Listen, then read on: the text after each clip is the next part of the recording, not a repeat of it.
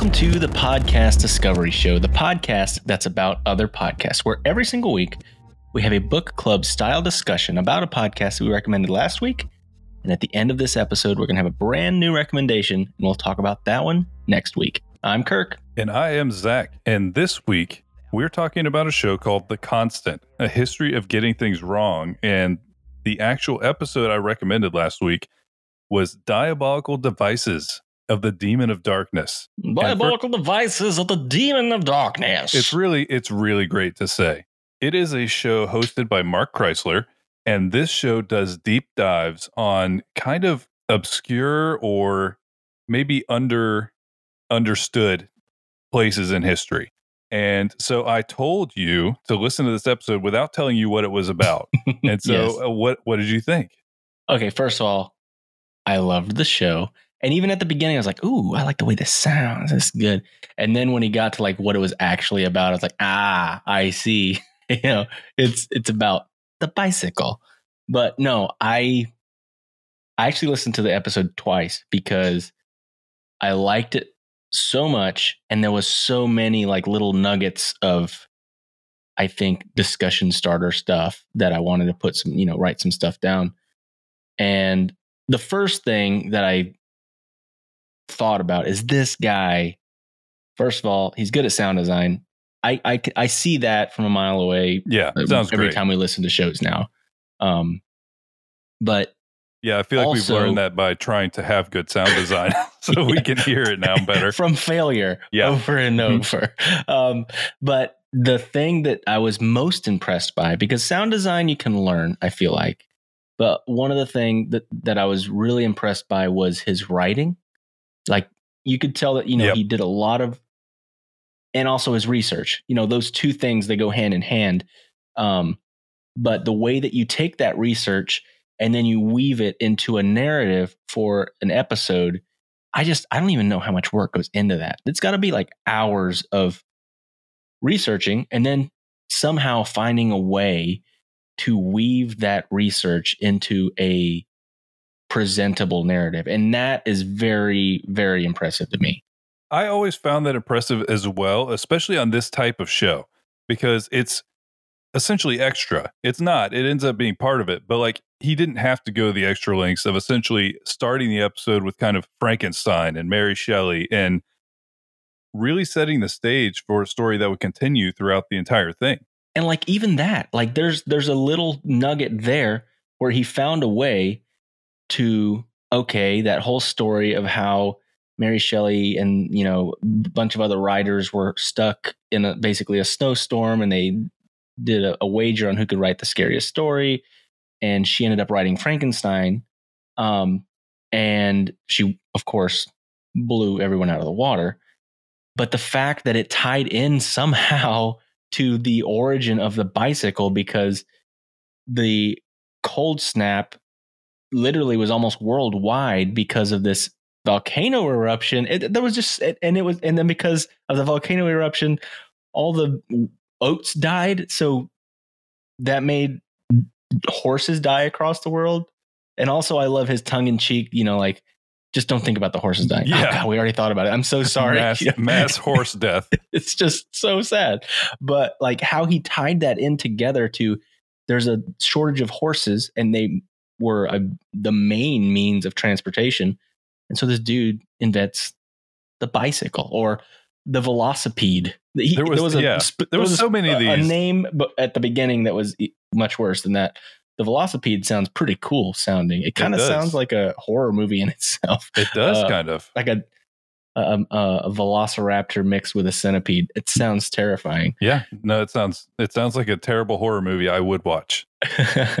but the velocipede was it was it, okay. I've seen pictures of it. It looked like just a two by four with wheels, and that's it. and you can like move the front wheel. But what it reminds me of is that toddler bike that kids get, like their first bike where it doesn't mm-hmm. have pedals. It's just like they can sit on it and they can just like move their feet and it uh mm-hmm. it rolls. you know, that's basically yeah. what it was. No, there was a lot of this that I had no context of. You know, I'd I'd never really looked into the history of the bicycle. Definitely not like kind of the cultural things that led to its invention, but even these different like specific early versions of it because I had obviously seen uh, the one I feel like everybody sees when you're a kid is the one with the giant wheel. You know, the giant the front penny wheel. farthing. Penny yeah, farther? I think penny farthing. Is or is that the act of riding that bike? I'm No, gonna go think- penny farth. I think that was the name. Oh, penny farth. It could be the act of it. That could be the verb. I don't know. there was a lot of very old timey stuff happening in here. Um, and we haven't even gotten to the weird relationship to women with with the bike. It, It- it- all of it it was is funny because I knew where it was going. I knew where it was because okay. Well, I guess we'll get there in a second. Yeah. But yeah. But Uh, yeah, so they was- start out with early versions of the bicycle, um, and people are starting to like it. You know, I mean, it would definitely be something. I'm trying to even imagine. uh, The first time you get a bike, it feels great. You know, when you're when you're cut loose on your bicycle, people like it's a great moment. But they start out with these ones that are wildly unusable. Um, throughout the entire thing, there's this there was multiple quotes in this and everybody should definitely check the show out. I definitely as i was listening to this show the first time i was like i could listen to a lot of these shows. I just I- because of like I how think this is one of those shows that I'm I am going to go back and just listen through it just uh, put it on my rotation because it it's something we we've talked about this many times where you you're learning something but it's fun and you can also appreciate it's like what I loved about lore and I literally binged whole seasons of lore in a matter of like weeks and I feel like this is that very similar show just more on history less spooky uh, parts of history, more more obscure parts of history. but yeah it, it, he starts talking about the bike and throughout the beginning of this their main concern is weird safety quotes like because some of these quotes are seriously hilarious i i it's paraphrased a little bit but they they multiple times compare the bike to a horse and they're like a horse would never do what these bikes do to people they basically acted like a bike was some kind of a Deadly an, ant, an deadly evil beast. being that will attack you. And it said something like skin your nose and like it's all very old timey and ridiculous. And so they keep trying to work on this bike so that they can maybe shake some of this bad public image that they have going of it being a devil machine that's going to rip your legs off. And I will say this, okay, I've never been the anti news guy. Like I think that there's there's good to be taken out of the news. but when I see stories like this where the news does this giant hype train of stupidity and make a big deal about something, I do I do do a little introspection and be like, "Hmm, I wonder what is our current version of this ridiculous thing that they're saying." yes and uh, i definitely think that is a, a thing i actually when i was listening to all this and listening to people's safety reactions to the bike and It made- especially editorial. I mean, you talk about editorial stuff. That's that's Oh, it's and that I'll give them a little bit of pass on editorials. It's Yes. designed to be an opinion, opinion. piece. But I was just thinking about kind of uh, a widespread fear of the machine itself. And it reminded me that I had read an article about how people were similarly suspicious and skeptical of seatbelts. So seatbelts were invented by Volvo and literally the patent released because they realized how many lives they could save.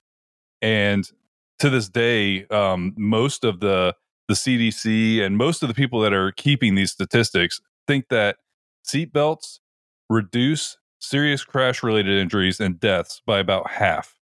Mm. So half is pretty serious. But when you look at when this was released, um, Wisconsin, like 55 years ago, was the first state to require seatbelts. So the first state to make it a legal thing.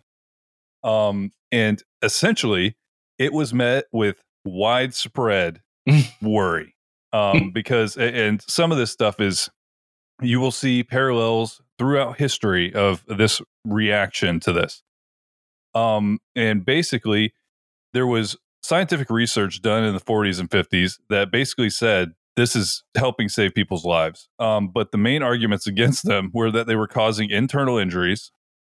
They were they prevented easy escapes from cars submerged in water, and that they frequently failed. And there was uh, it also got weirder outside of that too. Those are some of the fairly simple ones. And as I was reading I this article, it- it's a little bit more difficult to get out of the car if you have doors. Maybe just take the doors off. yeah, and yeah, I just agree. it. It's like if, if if everything was a convertible, you just pop right out of there. Um, but it's really funny because literally four years ago, this article was written. It's by Public Radio Wisconsin, and I believe uh, all three of the people who actually commented on this agree with what the the complaints were. So, first one, freedom, getting smaller. I always buckle up on my motorcycle wear my mandatory helmet. Keeps the insurance rates down. We need government to tell us what to do. We're just too stupid. Wait, So- this was then? N- Or this yeah, is this was now? No, this is now. This was four years ago. This is the comments on this article. So this is still people that are Yes. anti seatbelt? Yes. And literally, the CDC says that the best way that they've Oh gotten people God. to do this, to wear their seatbelts, is by making laws about it. So, literally, he's on it. He just thinks he's being sarcastic. They do need the government to tell them what to do because they are too stupid. like, literally, there's a couple more in here that, like, essentially, this should be voluntary. And it's like, I'd never, when was the last time you heard of anyone getting a ticket for wearing a seatbelt or not wearing a seatbelt, rather? So, like, and it's just, I don't want to get too far It's usually something you get tacked on if you're already speeding and act like an idiot. Yeah. You know? I don't want to get off track here, but my main point, and it was confirmed by literally just the comments on Wisconsin's public radio article, literally still complaining about people's freedom to wear, to not wear a seatbelt. Oh man. Um, confirmed that even though we look back on this time of people freaking out about bicycle safety and saying that it's some kind of a devil device, we are really not that far advanced from 50 there. something years Yeah. since the seatbelt we haven't been made as much progress as we'd like to. somewhat mandatory and still people are acting like it's an encroachment in freedom. Yep.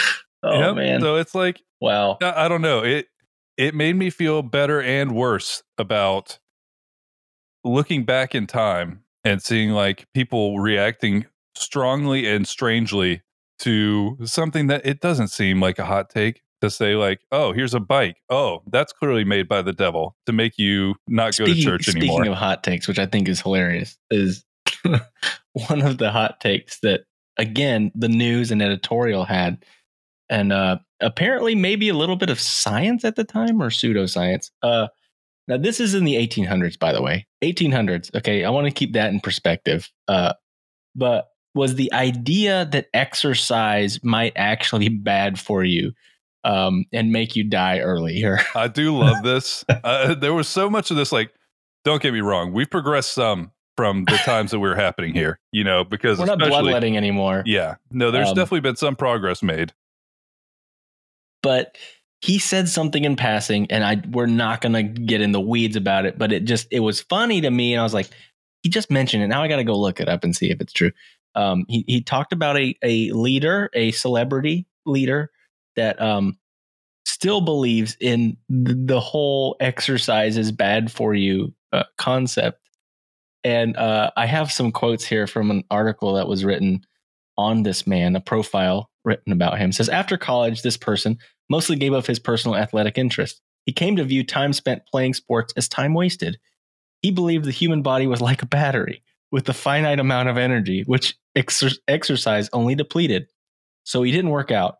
When he learned that someone that worked for him, one of his top casino executives, was training for an Ironman triathlon, he admonished him, You're going to die young because of this.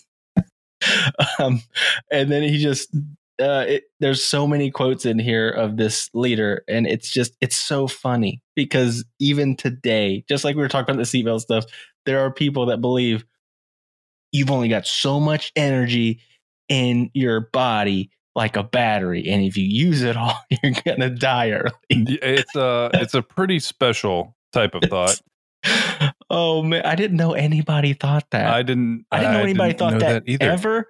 I definitely didn't know anybody thought that today. It seems like one of those beliefs that's backed by laziness to me. I mean, I can understand a small child getting that, you know, Yeah, understanding that sure. because of based off their toys or something that, oh, the battery died in my toy and now whatever. But no. yeah, I mean, I would agree if batteries could eat, then like maybe I'd start to see the the parallels here. Oh man, I I thought that was funny. He just kind of mentioned it in passing, and uh, but that was Yeah, so it is that was comical to me. It is uh, that. I mean, really, we've just kind of painted a bad picture about uh, the progress we've made as a society. but in the end, we've made some progress. But some of these things, Have they we sound, though? It's just a new thing every time. That's the thing. yeah, no, I don't is- know if as a okay science, yes, science we've moved forward, obviously, but when it comes to cultural like fads that come through and then they're demonized or any type of government in, in, intervention, they might act like it's you know an encroachment in freedoms. Uh, it it's I don't know. It's it's ridiculous, and especially when you bring religion in, and that's something that I saw coming a mile Oh, away. me too. It's Me just like, too. man, as somebody that actually is a person that, you know, grew up with a faith and still kind of clings to the foundation of that faith, I knew it was coming because when it comes to people exercising that faith, usually it is the stupidest possible ways you can yeah, possibly and do it. this, I'm like you, was waiting for the uh the response from the church on the bicycle, with it being as big of a deal as it was. They had to have one, and it is a very, very stupid take uh, because essentially. They came at it with like a multi pronged approach. Mhm, There was a lot of things mhm. they had wrong with bicycles. One, it made you not go to church, apparently. Um, You break the fourth commandment. yeah, you don't go. You don't, don't honor the Sabbath. The Sabbath holy. And the Sabbath isn't on Sunday, but we made it Sunday, so we changed it. yeah, but now that we changed it, you're supposed to respect that and not ride your bike. So that was the first one, and then it also got really. You really see the signs of the times here when it starts to interact with women. Oh, it Um, got so weird. It, it's so it's terrible. It's so Honestly, backwards. it's just terrible. like the first take was like women shouldn't be able to go anywhere alone. Like bad. Women alone making decisions, going places. No, no, no, no, no. yeah, That's first dangerous. step, autonomy of their person, terrible, bad so idea, bad. Bad. bad idea. And so you immediately start with that, and you're like, okay, this is gonna get this is gonna get Mm. worse before it gets better, and it does, because not only was there that where you're allowing these women to go around and ride their bike by themselves, then they also said, trying to think how to say this nicely, based on where a bike seat is, there is a possibility They that- sexualize the bicycle yeah, seat. There is a possibility that women would be deriving pleasure from this. Obviously, this was an issue that men had. you know? I Yes. mean, this, this no, this is a rule made up for made up by men. Like has to be. Oh man. It was so So literally they went as far as it was like organizations making special bicycle yeah, seats. that special would- bike seats that's fit like hit your thighs instead of like underneath you and like all weird, all terrible, like ridiculous. And what maybe about the what about the uh the medical condition of bicycle face? that is maybe the one that I found the funniest because it's just stupid. It's not as like hurtful as like a you know No, this misogynistic or anything to like men that. too. Mainly women, they said. Mainly I do women. think it's mainly non happens it's, to women. it's more non-gendered than the other problems they had with the bike. but. I love how this they still found a way to try to make it gendered. They're like Yes. it mainly happens to women, but it could happen to men. But if it happens to a woman, then she's not pretty no more, Yeah, and then she can't is- get married. It's like women can't let this happen to you. Kirk, would you like to describe to everybody what bicycle face is? So bicycle face is you ride your bike and your face either gets flush because you're actually exercising or it goes pale because you're actually exercising. Um, and then your your eyes get squinty or they bulge. I like I like how the descriptions it's were like a exact horoscope. opposites. Yeah, it's a horoscope. So literally, no matter what happens to your face, you're getting bicycle face. You know what I mean? Basically, whenever you exert yourself and you look like tired or do anything like that, those were the descriptions. It was like you, you it might. It was like when you tell your child, "Don't make that funny face because it might stick that way." that's what it sounded like. Yeah. You know, it's like now you look all tired, but you might get bicycle face, and bicycle face means that tired face is not going to go away, and no one wants to marry that. Yeah, th- I do feel like there was like a strong subtext of like can't find husband if you have bicycle face.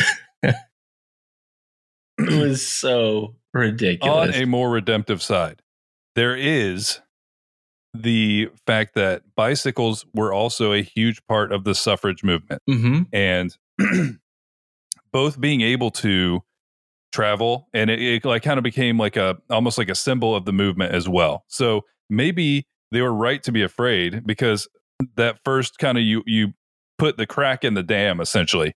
And so yeah they got some autonomy. They started seeing that they could they could travel somewhere by themselves and then next thing you know they want to vote which is a great thing.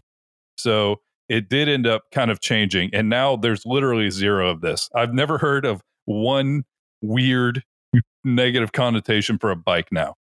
Yeah. Like Mm, zero. no. It's just No. like, oh, that's a bike, which it took us a long time to get there, but we did it, everybody. I bet you there's a church in backwoods like Kentucky or something that still thinks bicycles are bad. Yeah. And I mean, there's also churches who've gone that. the uh, complete opposite direction, like the Mormon church, or is it the uh, Jehovah's Witness that loves bikes? Like everybody has a bike I And think they- it's Jehovah's Witnesses. and they they ride around on their bikes all the time. Yeah.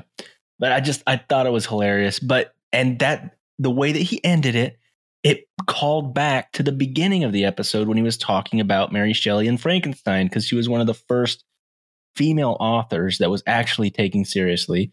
And she literally created a genre and how much of an influence she had on the literary world.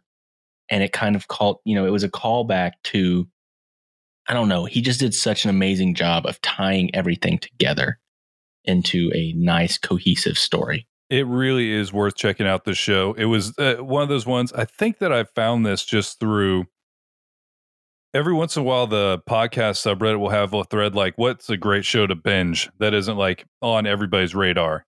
And I saw this one, and I read the description of it, and I was like, "That seems right up our alley." Like that seems exactly like the type of shows we love to listen to. And I listened to the first one, and it's just so good. So I this is definitely one that I like highly recommend people go find one that looks interesting. Pick any one. It's probably all really good.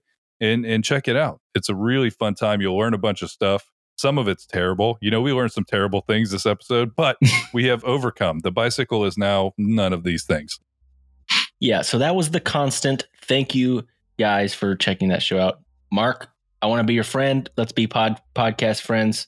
Yeah, one hundred percent. Let's do something together. Love the show. Um, so I've got a recommendation this week that I found, and I was looking for something more on the sciency end, something more on like the environment end, because you know I, I I try to help us break it up a little bit. You know, we already did our our fiction one last week. We're doing one based off history this week, so I kind of I try to try to break it up, and I found a great show about science stuff. It's called Dope Labs, and it's hosted by two amazing hosts. And I want to talk about Dope Labs lab number 28. There's something in the water. And it specifically talks about like global warming in context of the ocean. Hmm. And it's it's fascinating. I actually learned a lot about the ocean. Like a lot. Like things I didn't know about at all.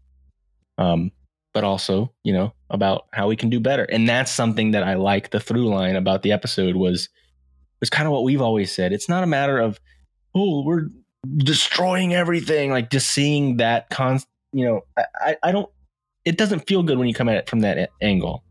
But if you can come at anything like this, like with you know, the the ecosystem and how we're affecting it, coming at it with the concept of how can we do better, I feel like is always more redemptive, you know. Yeah, totally. and so that's kind of where they come come from, and I really like that.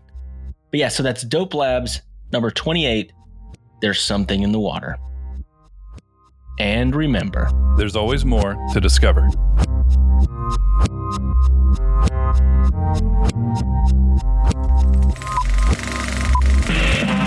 This was a podcast from the Podfix Network. You can check out more shows like it at podfixnetwork.com.